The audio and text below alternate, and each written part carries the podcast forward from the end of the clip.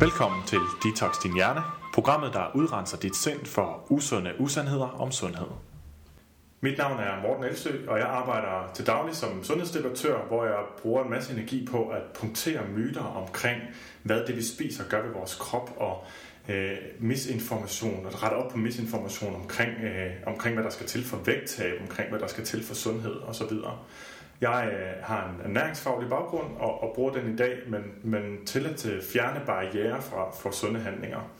Og øh, en af dem, som jeg arbejder sammen med øh, til daglig, som, som har samme mission, er dig, Anne Gormand. Velkommen til. Tak skal du have. Anne Gormand og jeg har en uddannelse, øh, hvor vi lærer andre øh, sundhedsfaglige, sundhedsprofessionelle at hjælpe andre til at ændre livsstil. Og noget af det, som vi ser som store forhindringer for at ændre livsstil, de barriere, jeg nævnte før, det er faktisk nogle af de øh, overbevisninger, som, som folk har omkring, hvad de skal spise og hvornår osv.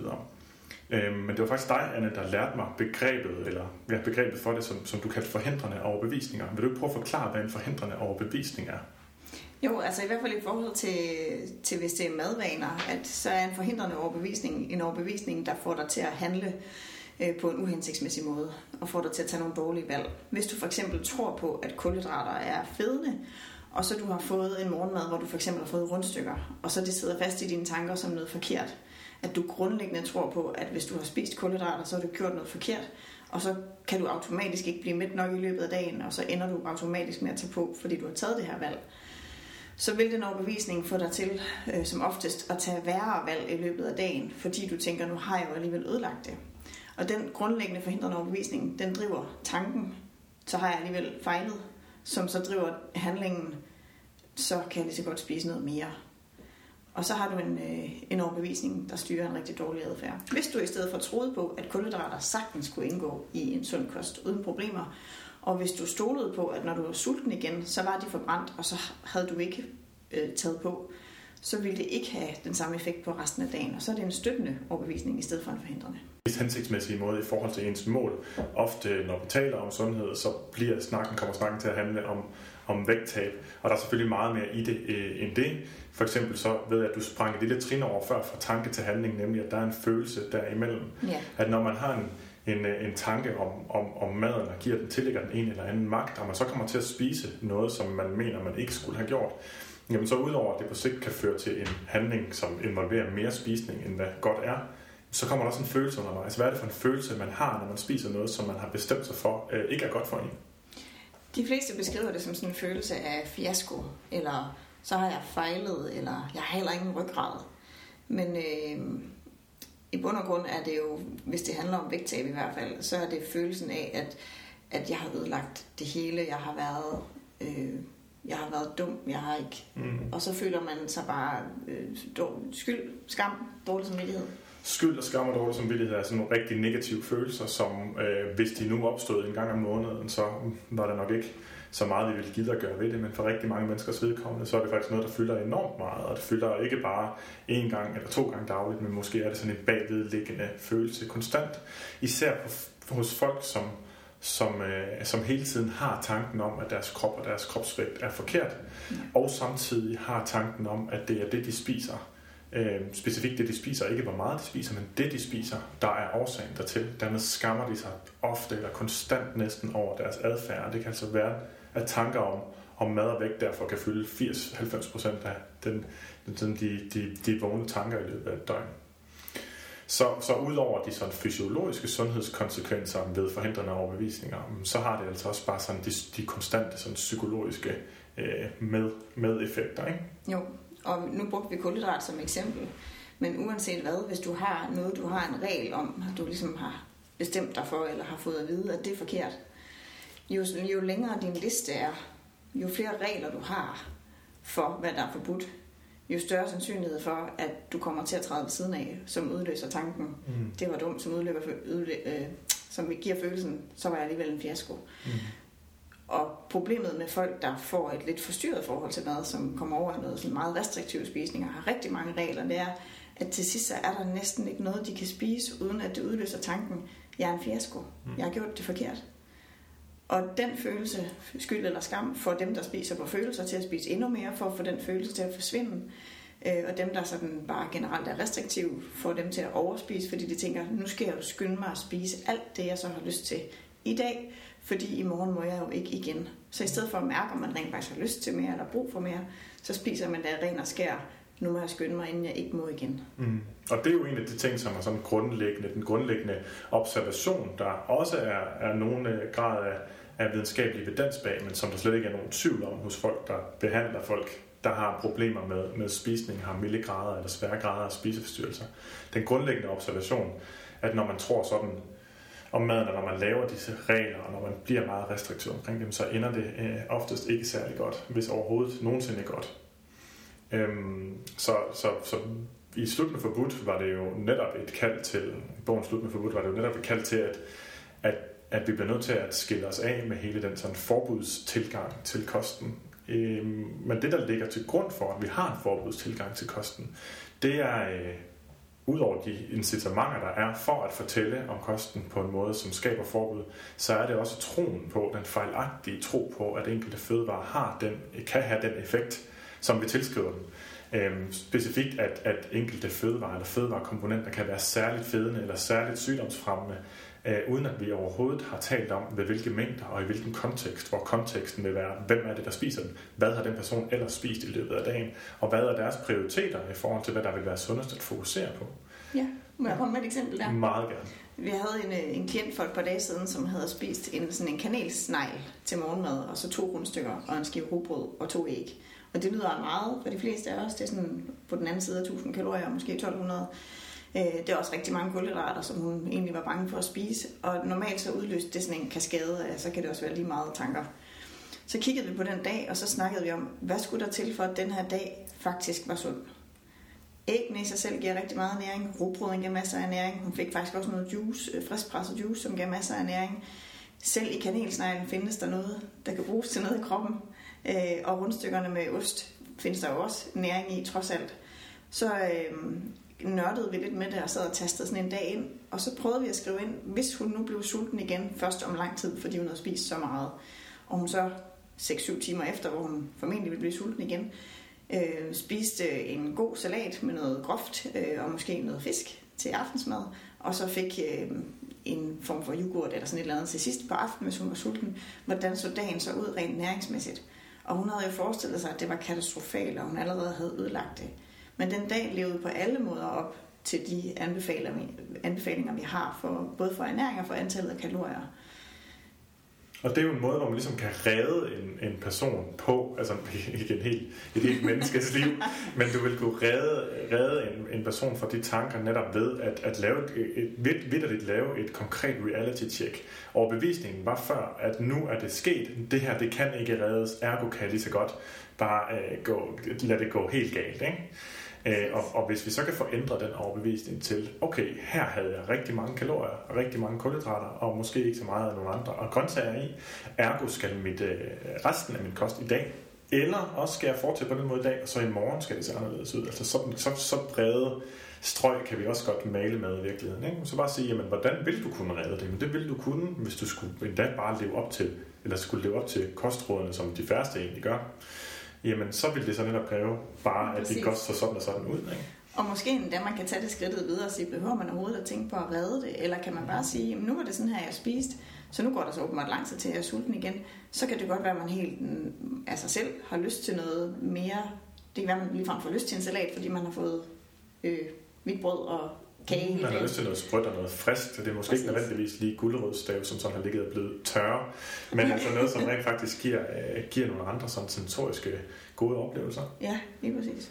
Men det, der er interessant, synes jeg, i forhold til, til kulhydrater, eller, eller regler generelt, hvis vi skal føre det over på kulhydrater, det er, at det der, den forhindrende tanke, der, eller de forhindrende tanker, der starter den proces med, at nu er det alligevel gået galt, hvis man får aflivet dem, så kan de fleste sagtens stoppe med det her mønster. Og det er for eksempel sådan noget som, at når kulhydrat mætter jo ikke, derfor så vil jeg automatisk tage på, eller kulhydrat feder i sig selv, så derfor så, uanset hvor meget jeg spiser, så er det, så er det galt. Insulinhypotesen om, at kulhydrat øh, lager mere fedtvæv. Alle de her, det som du i virkeligheden arbejder med, både du og Morten også i bogen arbejder med.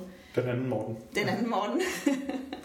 ja, at, øh, at det, det er noget af det, som jeg bruger til at hjælpe mm. mine klienter med de der forhindrende tanker, det er at få aflivet de der myter først og fremmest. Og det er jo det, som jeg også skriver om til daglig, men jeg ved også, at der er andre, som har, har brug for at have det på et andet medie, og, og, og øh, det her med at have den her sådan passive passiv indtag af information, som forhåbentlig er hyggeligt at lytte på, og, og forhåbentlig er vores stemmer ikke øh, for skærende til, at man gider det, eller vores, vores øh, hjemmebrygge studie for badeværelsesagtigt til, til at holde ud.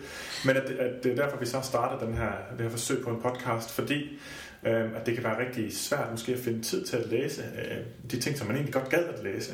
Men, øh, men hvis man finder sig en, en, en podcast, som man gider at lytte på, så kan det give mening i de situationer, hvor man egentlig synes, det er røvsygt, det man laver. Som rent fysisk arbejde, så der kan man ikke andet. Man kan ikke læse, mens man, mens man tager opvasken. Man kan ikke læse, mens man tømmer opvaskeren. Man kan ikke læse, mens man støvsuger. Ordner vasketøj. Hvad ordner vasketøj, alle de her ting. Men det er sådan et perfekt tidspunkt at høre podcast på, og der vil vi så meget gerne forsøge at gå i dybden med nogle af de her ting. Der kommer selvfølgelig til at være mange, mere, mange flere fejl, for eksempel lige der. Mange flere fejl, end der vil være i, i et øh, blogpost, men øh, men øh, vi retter så også op på den med det samme og forsøger på det. Tager det lidt mere øh, ned på jorden. Men for nu at gribe det, så vil øh, temaet for i dag jo netop være, at vi vil gerne udrense folks hjerner for usandheder om kulhydrater. Netop på grund af det, vi lige har snakket om, at overbevisninger om kulhydraters ubrugelighed, eller farlighed, eller evne til at fede, eller øh, usundhed, eller usundhed i sig selv. Ikke? At alle de overbevisninger, de har altså negative konsekvenser i sig selv, i langt højere grad, end kulhydrater nogensinde i sig selv vil kunne have. Og øh, nu nævnte du specifikt tre, jeg vil gerne tage dem i en sådan omvendt rækkefølge, eller mm. anderledes rækkefølge, for du nævner som den centrale, det er den her insulinhypotesen.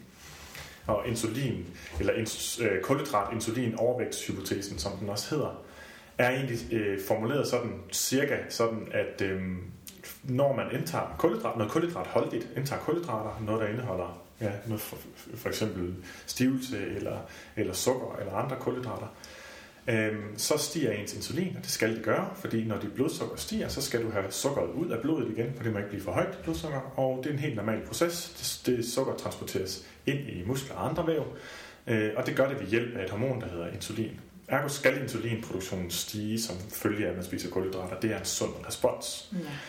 Det vi så også kan se, det er, at insulin har en masse andre effekter. Og hvis man så rigtig gerne vil gøre noget til en søndebuk, så kan man kigge på en af effekterne, og så se, at når insulin er til stede i visse mængder, så, øh, så, så er det, arbejder det på, at man er bedre til at lagre fedt og dårligere til at frigive fedt igen fra fedtcellerne. Det er en af, som sagt, mange effekter. Og det har så fået rigtig mange til at lave en hypotese om, at øhm, det er insulinstigningen som følgende et måltid, som er årsag til, at man tager på, og ikke kalorierne per se, altså ikke kalorierne i sig selv. Og dermed så udvider hypotesen sig til, at man kan tage på, selvom man ikke er i kalorieoverskud. Øhm, og, øh, og, og kulhydrater vil derfor altid være årsagen til fedme.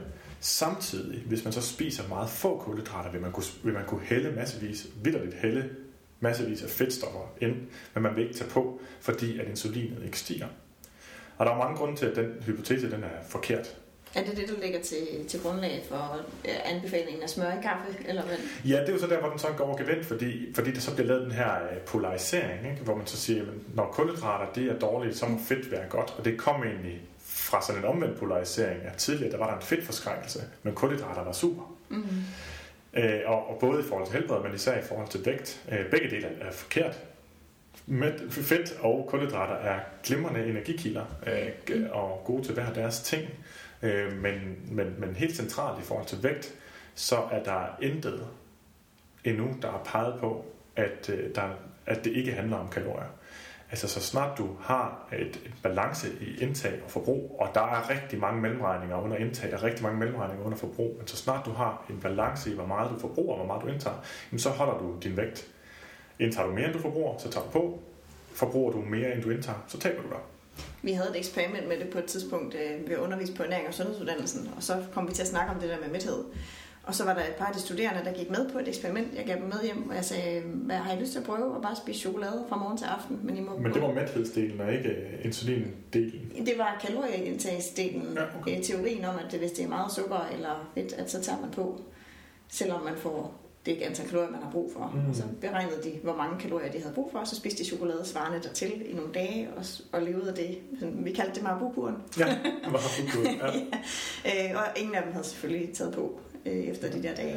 Og, og det vi ser, som jo også er sådan det, de, de største øh, søm i kisten på insulinhypotesen, det er, at når vi laver velkontrollerede videnskabelige interventioner, hvor vi kontrollerer for alle de ting, hvor folk vil kunne kompensere, eller hvor de ikke hvor de er dårlige til selv at vurdere, hvor meget de spiser. Men når alt er kontrolleret, så er det fuldstændig efter bogen, at vi kan se, at når de indtager så så mange færre kalorier end deres øh, målte øh, forbrænding, jamen så vil de tabe sig så så meget. Og når vi så kigger på de to makronæringsstoffer, der tit øh, sammenlignes, hvor, man, hvor nogen så i dag mener, at øh, kulhydrater federe meget mere end fedt øh, per kalorie, så kan vi se, at i kontrollerede studier, hvor man giver folk præcis det samme, og hvor især proteinindholdet i kosten er præcis er det, samme. Og det er meget vigtigt, at vi vender tilbage til. Øhm, men hvis så bare kun manipulerer på mængden af kulhydrater og fedt, så er der ingen forskel på, hvor meget de henholdsvis taber sig, der tager på, afhængig af om det er hypokalorisk eller hyperkalorisk, altså om de får for få eller for mange kalorier i forhold til, hvad de forbrænder. Faktisk er der en tendens til, at man nemmere tager lidt mere på, hvis man spiser for meget fedt, og en tendens til, at man nemmere taber sig mere, hvis man skærer på fedtet. Og det er der faktisk også en forklaring på, i og med, at vi har nemmere ved at lagre fedt, end vi har ved at konvertere sukker til fedt. Det gør vi stort set ikke. At kroppen ikke skal bruge energi på det, at omsætte det. Kroppen er enormt konservativ, når det kommer til energi, så det er meget nemmere at lagre indtaget nedbrudt fedt, end det er at skulle konvertere indtaget nedbrudte kulhydrater fra sukkermolekyler til fedtstoffer. Øhm, så vi skal have et meget højt kulhydratniveau, eller kulhydratindtag, vi skal spise for mange kalorier i forhold til, hvad vi forbruger. Og så skal vi have et meget, meget lavt fedtindtag, før at vores krop gider at bruge særlig meget energi på at lave kulhydrater op til fedt. Men rigtig mange har den fejlagtige forståelse af kulhydrater, at hvis vi spiser en masse af og drikker sodavand, så bliver det bare lavet op til fedt med det samme. Og det passer simpelthen ikke. Mm-hmm. Det, der sker, hvis man spiser for mange kalorier, det er, at de kulhydrater, man indtager, de bliver forbrændt, mens det fedt, man har spist, det bliver lagret. Ja. Okay, så, øh, men insulinhypotesen er blevet, er blevet gennemhullet rigtig, rigtig mange gange. Man kan også se på kontrolleret forsøg, hvor man giver folk op til 43 procent af deres kost er rent sukker, men de tager heller ikke, de kan tabe sig på det, hvis deres kost er hypokalorisk. Sammenlignet. Altså hvis de får for få kalorier. Hvis de får der nu ikke har læst den her sundhed, der hører med derude. hvis de får færre kalorier, de forbrænder. Der er lavet et forsøg, hvor man har sammenlignet to grupper. De har fået, begge to har været på meget kontrolleret kost. Begge grupper øh, fik færre kalorier, end de forbrændte, så de ville tabe sig. Den ene gruppe fik 4% af deres kalorier fra sukker, den anden fik 43% af deres kalorier fra sukker. Det er et eksempel, vi har med i øh, Slut med forbudt også. Øh, og der var absolut ingen forskel på vægttab. Men blev de så ikke fuldstændig ødelagt, inden jeg fik forhøjet kolesterol og alt sådan noget? Nej, det gjorde de ikke. De havde også samme, øh, samme forbedringer i, i blodværdier, altså kolesteroltal, og de har samme forbedring i insulinsensitivitet, altså deres tegn på, om de udviklede livsstilssygdomme osv det var lidt, eller hvad man så med Atkins-kuren i gamle dage, når man testede den, at, at det var vægttabet, der var skyld i, at, at deres øh, blodlipider Præcis. sig. Og, og det, det som man så ser, der, der vil sidde nogen, som også er sådan halvernæringsnørder, og så stadig er meget pro low carb, high fat, som er den her idé om, at vi skal spise meget få kulhydrater og meget mere fedt, og det er sundere for os, som vil kunne henvise til studier, hvor det ser ud som om, at low carb virker meget bedre end low fat. Og der er det så netop, at vi kan se, at hver eneste gang det er tilfældet, så er det fordi, at øh, dem, der har spist øh, low carb, de simpelthen har spist flere proteiner. Ja. Og hvad sker der, når spiser flere proteiner? Jamen protein, det mætter mere. Så så snart det er ude i en, en fritlevende situation, så vil folk indtage færre kalorier, hvis de spiser mere protein. Og så er det således, at op mod 30% af de kalorier, vi får fra protein, bliver brugt til at omsætte protein i sig selv under fordøjelsesprocessen. Så netto er der færre kalorier tilgængelige til kroppen? Ja, man kan sige, jo mere, jo større proteinandelen er i din kost, jo flere kalorier er der plads til det er faktisk lidt et hack, øh, og det er faktisk ja. lidt, nogen vil bruge det som argument mod kaloriehypotesen, men det er det ikke, for når vi snakker kalorier ind, så snakker vi om de kalorier, som vi netto får ind øh, over vores tarm, øh, tarmcellevæg. Ja. ja. Så årsagen til, at øh, menneskerne har tabt sig mere, når de har spist meget fedt, det er fordi det føles med protein, og ikke fordi det er fattigt på kulhydrat. Man kan sige det sådan, når low carb virker, så er det fordi folk de har spist færre kalorier. Så når low carb, LCHF, der virker, det er i virkeligheden low calorie. Ja. LCHF, når det ikke virker, for sådan er det også. De anekdoter, dem hører I bare ikke. De kommer ikke ud. Når det ikke virker, så er det fordi folk får for mange kalorier ind. Ja. En af måderne, hvor det ofte ikke virker, det er, når folk de hopper på sådan nogle øh, ekstra gimmicks, som du sagde, smør i kaffen før. Olieshots. Olieshots. drikker for 300 kalorier olieshots fra morgenstunden, fordi de vil forbedre deres Som de kunne have fået et helt frokostmåltid for, hvis de kunne sætte det sammen rigtigt. Ja, præcis. Ja. Eller starter dagen med en kop kaffe med, med 80 gram smør og kokosolie i. Oh. Og ender med at, at have startet dagen med kalorier svarende til at spise en helt plade riddersport. Ja. Ja. Og, øh, og det er så igen, det er det, der sker. Det er det, man kan komme til at gøre, når man bliver bildt ind, at det ikke handler om kalorier, men det handler om kulhydrater. Og sandheden er så ganske omvendt. Øhm, ja. Det, nu er det så, øh, altså på ernæring og sundhedsuddannelsen, der er der jo ikke nogen, der er i tvivl om, at det er sådan, det forholder sig, fordi det lærer man jo fra starten af, formentlig også på mange andre øh, sådan videregående uddannelser. Men hvordan i alverden får man så folk til at forstå, at det er sådan, når vi nu godt ved det? Hvordan hjælper du dine klienter til at forstå, at det er sådan, det hænger sammen? Jamen det er afhængigt af, hvor klienten er i sin forståelse. Jeg har øh, klienter, som, som har startet ud med at læse Slutten forbudt, og så starter vi allerede på et andet sted. Sådan rent, øh, øh, så har de fået ryddet lidt ud? De har fået ryddet rigtig meget ud.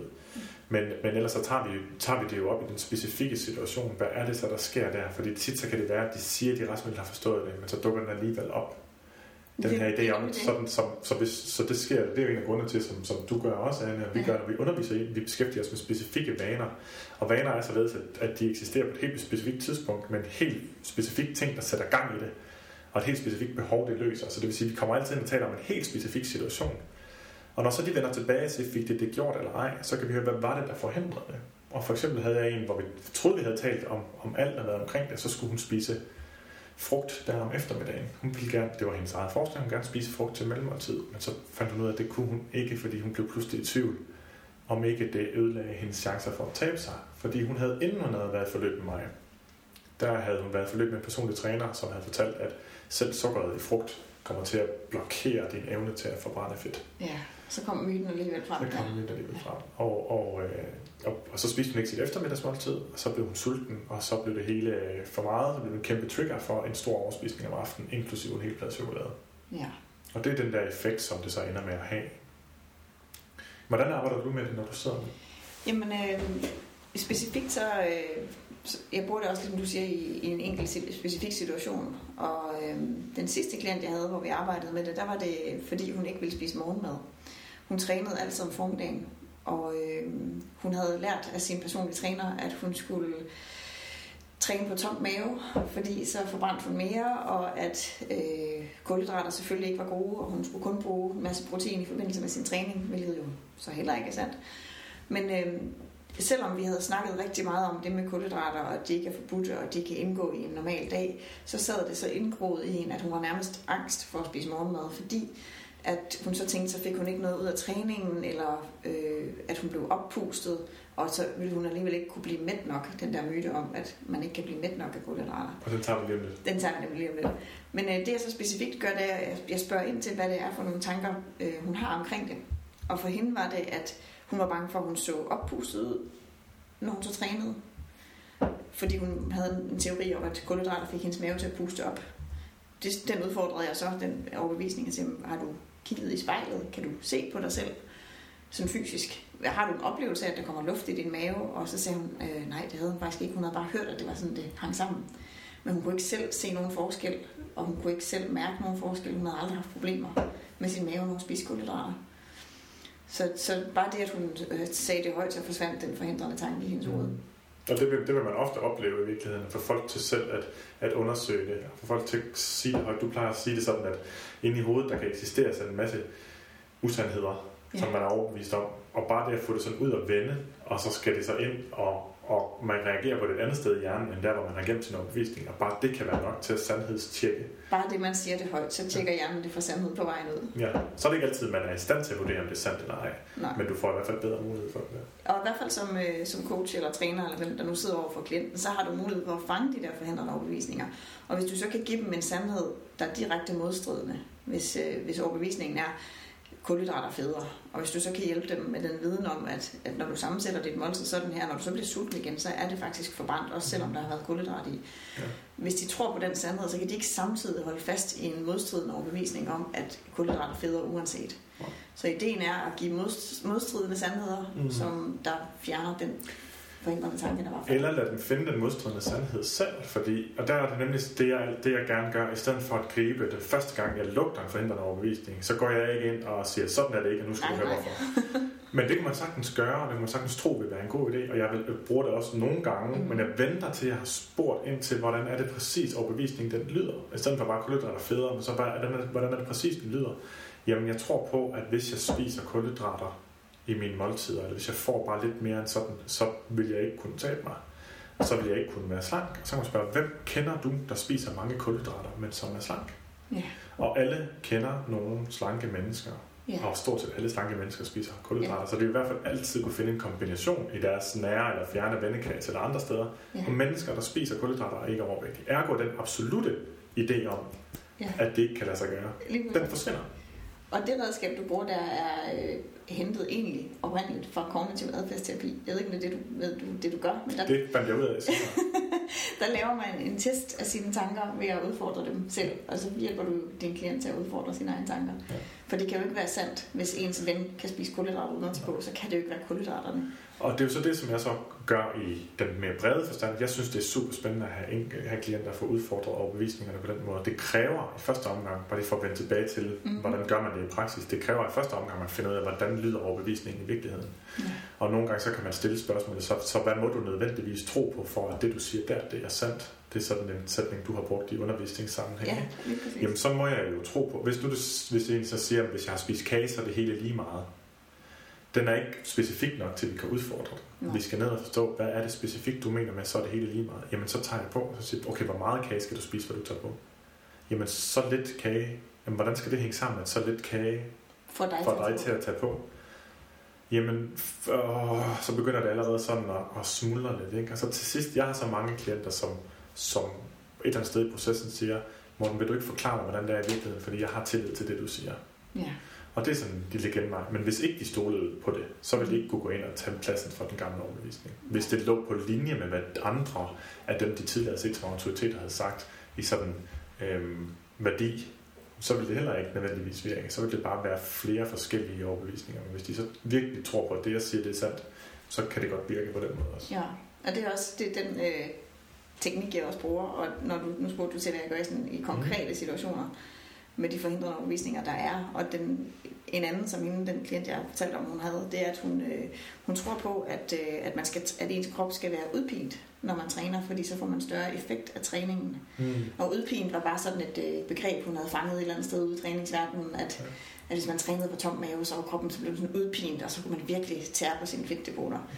Og der kunne man jo også bare spørge ind til, okay, så, så hvordan, hvad mener du med udpint? Ja. Øh, hvad er det, du forestiller dig, der skal ske inde i din krop? Mm. Så, jamen, så er det jo fordi, så har jeg ingenting at arbejde på, og så bliver min krop jo nødt til at forbrænde fedt, fordi der ikke er noget kulhydrat.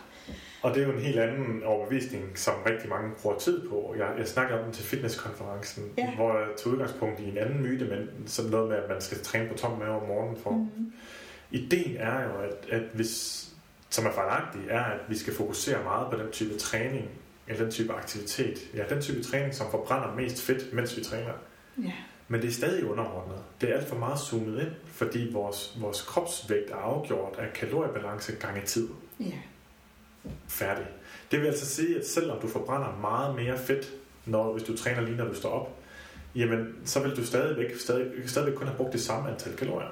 Ja. Det er taget fra det samme budget som er mindre, altså så du, du kan træne den samme mængde om morgenen, men hvor du har spist, hvis de samlede kalorieindtag og det samlede forbrug løbet af dagen er det samme, så er det fuldstændig underordnet, om din fedtforbrænding momentant er højere der, ikke? Lige præcis, og når man så får forklaret det til sin klient, så forsvinder den forændrende tanke også. Hvis de forstår den. Ja. Hvis de forstår den, og det gør hun. Hun er veluddannet og skarp, og de fleste forstår godt, nå okay, det er sådan, det hænger sammen. Mm så kan der godt være en anden forhindrende tanke, som jeg også øh, støder meget på, og det er den der med, at jamen, hvis jeg spiser allerede nu, så ender jeg med at komme i kalorieoverskud i løbet af dagen, fordi så, så starter jo dagen med for mange kalorier, så er det bedre at gemme dem til senere. Mm. Og der kan man også bare udfordre den tanke ved at sige, okay, men hvis du kigger tilbage i tiden, mm. hvad sker der normalt, når du lader være med at spise morgenmad? Ja, er der nogen derude, der lige skal nå at tænke over det, inden Anne hun giver det svar, som Hvad sker der normalt hos nogle af jer, måske især sundhedsbevidste kvinder, der har lyst til at tabe jer? Hvad sker der normalt, hvis I skipper det første måltid eller to i løbet af dagen? Ja. Hvad skete der for hende, Anne? der skete det, og så kom hun hjem fra træning og var sådan, øh, jeg havde nærmest fået horn i panden af sult. Og øh, sådan rent fysiologisk, så sker der jo det, at ens sult- og mæthedsmekanisme, den bliver sådan meget, meget overaktiv og slukker ned for ens sådan fornuft og kontrol og som frontallapperne, som har med strategi og kontrol og kognitiv. Øh, ja, den, den del af hjernen, den er ikke særlig aktiv, men den sådan mere dyriske del, styrende del af hjernen, og som øh, kontrollerer sult og mæthed, den, øh, den bliver meget overaktiv. Så udover at man har en tanke, der er, nu har jeg jo alligevel ikke spist noget i løbet af dagen, så nu kan jeg lige så godt spise en masse, som er en tilladende En tanke. tanke. Det er en tilladende tanke, ja. Så har man også den der overdrevne fysiologiske sult, som, som øh, fra et biologisk plan stiller en rigtig dårligt, og så kommer man meget typisk til at overspise og blive ved med at spise. Og hvis man så til med lider af den forhindrende tanke, nu har jeg alligevel spist for meget, så nu kan det være lige meget, så løber det helt af sporet. Ja, så udover at man spiser så hurtigt og så glupsk, så man ikke når at øh, mærke den mæthed, der vil opstå, hvis man havde, hvis man havde været lidt mere rolig omkring sit måltid, jamen så vil man også måske bagefter ud fra måske skam og skyldfølelse over at spise meget, eller den her tilladende tanke om, jamen hvis det alligevel er en, en falde i dag, hvis jeg alligevel har fucket op, jamen så må det da være i dag, jeg skal have min øh, kanelsnegl og øh, også spise med til kage og skal, skal jeg altså også have en sodavand, og så vil jeg også have et eller andet efter aftensmaden. Ikke? Fordi jeg må hellere gøre det, øh, sådan at jeg ikke skal være usund igen i morgen. Ja. Øhm, Men det kan være, at du har lyst til at komme ind på nogle af de der myter, der så driver det. Øh, Ja. Vi manglede den med mæthed. Ja, det med mæthed er sjovt, fordi i, i, igen, man er nødt til også at forstå, at mange af de her myter, de bliver, de bliver sat sammen af, at der er nogen, der har en motivation for, at, øh, at få alt til at passe ind i en historie, der hedder, at kulhydrater er farlige og fedende, og fedt er gavnligt og slankende. Jeg tror også, der er mange, der har den med kulhydrat, uden at have den med fedt, faktisk. At Ja. de ikke forhærliger Det er rigtigt, men det kommer mere, meget, men meget mere derfra. forhærliger protein. Med for, ja, det er Ja. ja. så ret. Ja. Ja. Men i hvert fald, øh, ja, hvad var det, så du spurgte mig om, så hvor det så kommer fra? Ja, den myte med, at man ikke bliver mæt. Det er rigtigt, yes. Jo, men det er også bare noget, som folk har fået at vide, at det mætter meget mere. Og så bliver det sådan selvforstærkende. Ikke nødvendigvis sådan, at man føler, at man bilder sig selv ind, at man føler det. Og- det er meget, mange af de løgne, der er, eller usandheder, eller misinformation, hvad man skal kalde det, som er omkring ernæring derude, det skaber også en selvforstærkende effekt. Der er så mange mennesker, det vil jeg ved, hvis man kunne teste det, jeg vil ved så mange penge på det, der går rundt og har sindssygt ondt i maven, hver gang de har spist brød, fordi de har fået at vide, at de får ondt i maven, når de spiser brød. Ja. øhm, og, og det kan mennesker rigtig, rigtig nemt gøre. Og øh, på samme vis så er der også mange, som meget hurtigt bliver overbevist om den, den information, at fedt mætter meget bedre end kulhydrat. Men når vi laver de Eller bedste... protein. Ja, eller protein også. Ja, at fedt er absolut det mest mættende. Men når vi kigger på undersøgelser, både tilbage fra 90'erne, og så også specielt en helt ny en, som jeg skrev om for nylig, hvor vi forsøger at kontrollere, at lave to typer kost, som er ens kaloriemæssigt, eller ens øh, proteinindholdsmæssigt, og ens sådan udseende og smagsmæssigt, men hvor, hvor kulhydrat og fedtindholdet er meget forskelligt, så kan vi faktisk se noget andet i det et, et akut forsøg, jeg har skrevet om øh, i, på min blog. Der, der spiste dem, der, fik mere, der havde mere fedtrig kost, de spiste næsten 1000 kalorier mere i sådan en forsøgsdag, og det var så deres egen kontrol. Så de spiste 1000 kalorier, 900 eller noget kalorier mere på den dag, hvor der var mere fedt i kosten, end den dag, hvor der var mere kulhydrat i kosten. Og man kunne se, at et kulhydratrig morgenmad endda, hvor protein var det samme, mættede i langt mere øh, længere tid end en fedtrig morgenmad. Det er selvfølgelig værd at bemærke, at vi snakker mæthed i forhold til kalorier, ikke i forhold til gram. For der er over dobbelt så mange kalorier i fedt så Ja. per gram, som der er i kulhydrat. Så vi de tæller det. også længere tid. Så, så, så vi har øh, ret tydelige resultater, der peger i retning af, de fleste resultater peger i retning af, jamen kulhydrater mætter faktisk overordnet set bedre end fedt, især per kalorie. Ja. Så, så, så, så den idé, den passer simpelthen ikke, men det er noget, som folk bare har fået at vide. Og vi kan også godt have ideen om, at hvis vi spiser et meget tungt og fedtrigt måltid, så mætter det også rigtig meget. Det er også helt rigtigt. Men det gør en pastaret altså også tit. Ja. Og hvis noget er meget fedtrigt og derfor mætter meget, så er det måske også noget at gøre med, at der er ekstremt mange kalorier. Der er rigtig mange kalorier. Og det kan ens krop godt finde ud af at tælle op. Der Ja. er mange. Jeg er mæt. Jeg med det. Så der er forskellige ting, som vores krop reagerer på, vores fordøjelsessystem reagerer på, som, som hjælper på vores mæthed. Fedt er en af dem. Ja. Men, øh, men i forhold til, hvor mange kal- hvor kalorier tæt fedt er, så finder vi ikke noget, der er værre, man kan sige det sådan, i forhold til vægttab. Og så er folk jo forskellige. Der vil vidderligt sidde nogen, som generelt kan have øh, 400 gram pasta i maven, så det kan jeg slet ikke. Og så, øh, men til gengæld, når de spiser noget fedtet, så, så, så mætter det mere. Og så er der andre, der har det omvendt. Ikke? Men overordnet set, så passer det ikke, at, at kulhydrater ikke mætter. Det er simpelthen ikke sandt. Nej, det man bare kan sige, det er, at protein mætter mere per kalorie, men at kulhydrat mætter rigeligt i forhold til, hvad det behøver at mætte. Det skal nok holde mæt, indtil det er forbrændt. Ja. Ja. Så, øh, så, så det passer heller ikke. Så insulinhypotese, jeg ved ikke, om der er mere til den. Altså, der vil selvfølgelig være en masse mennesker, som, som, som, som vil hive, hive fast i den, men vi kan altså bare kontrollere, når, vi kigger, når man kigger på det allerbedste studier, og det vil sige, de nærmest annullerer stort set alle andre studier, når vi kigger på velkontrollerede interventionsstudier på mennesker, så er der ikke nogen tvivl om, at kulhydrater feder ikke mere end fedt. Nej. Snarere tværtimod, men det er kun en lille tendens, så vi siger bare, at det er det samme. Ja. Så er der øh, andre myter omkring kulhydrater, er jo også, at, øh, at det i sig selv er årsagen til diabetes. Og det er der rigtig, rigtig mange mennesker, der tror. Og der er rigtig mange mennesker, der er sindssygt forarvet over, at kostrådene til diabetikere ikke er anderledes end kostrådene til andre. Og mens der er nogle fine resultater på, at low carb, high fat kan fungere fint mm-hmm. som et vægttabsredskab, hvis det i virkeligheden bliver low, eller high protein, ja. og så øh, er low carb, ikke? Øhm, så er der altså ikke god evidens for, at, øh, at øh, diabetikere, type 2-diabetikere ikke kan spise, øh, have kulhydrater i deres kost. Det, der virker rigtig godt på diabetikere, det er at bevæge sig mere. Ja. Type 2-diabetikere. Ja. Type 1-diabetikere, det er noget helt andet. Så man påvirker insulinfølsomheden i stedet for Ja, præcis. kulhydratindtaget. Præcis. Man gør simpelthen bare kroppen bedre til, til det. Ja. Til at optage Til at optage kulhydrater i cellerne. Ja, præcis. Så, øh, og så medicin virker bedre og bedre og bedre. Men det er der rigtig mange, som, som synes, at vi skal holde os fra. Og øh, det, det skal vi selvfølgelig ikke, så snart det forbedrer livskvaliteten. Men naturligvis skal vi gøre, hvad vi kan for at forhindre, at folk får type 2-diabetes. Ja.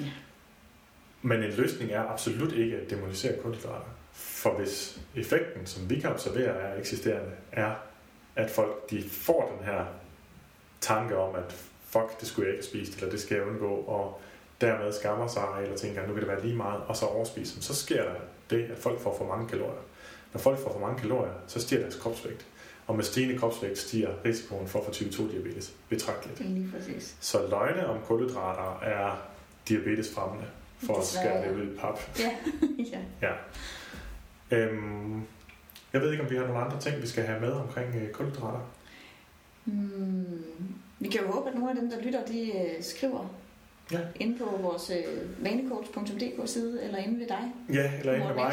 Vi, vi deler det lidt rundt omkring, og I kan altid få fat på os og stille spørgsmål. Øh, Der er sikkert tusind ting, som vi ikke har nævnt omkring øh, kulhydrater, og sikkert også især sukker, men nu har jeg blandet det lidt udenfor i dag, og vi kunne godt tale specifikt om sukker en anden dag. Vi har rigtig mange andre emner, vi godt kunne tænke os at tale om, og vi vil gerne gå i dybden med et emne ad gangen, kom vi lige i tanke om her. vi havde lidt en idé om, at vi lige skulle hurtigt igennem 17 emner, men der fik Anne talt mig fra det. Men sådan en... øh, Jeg ved, hvor meget du kan snakke om bare et jo. Ja, nej, det er dig, der har mest, er det ikke det? Nej, det Okay.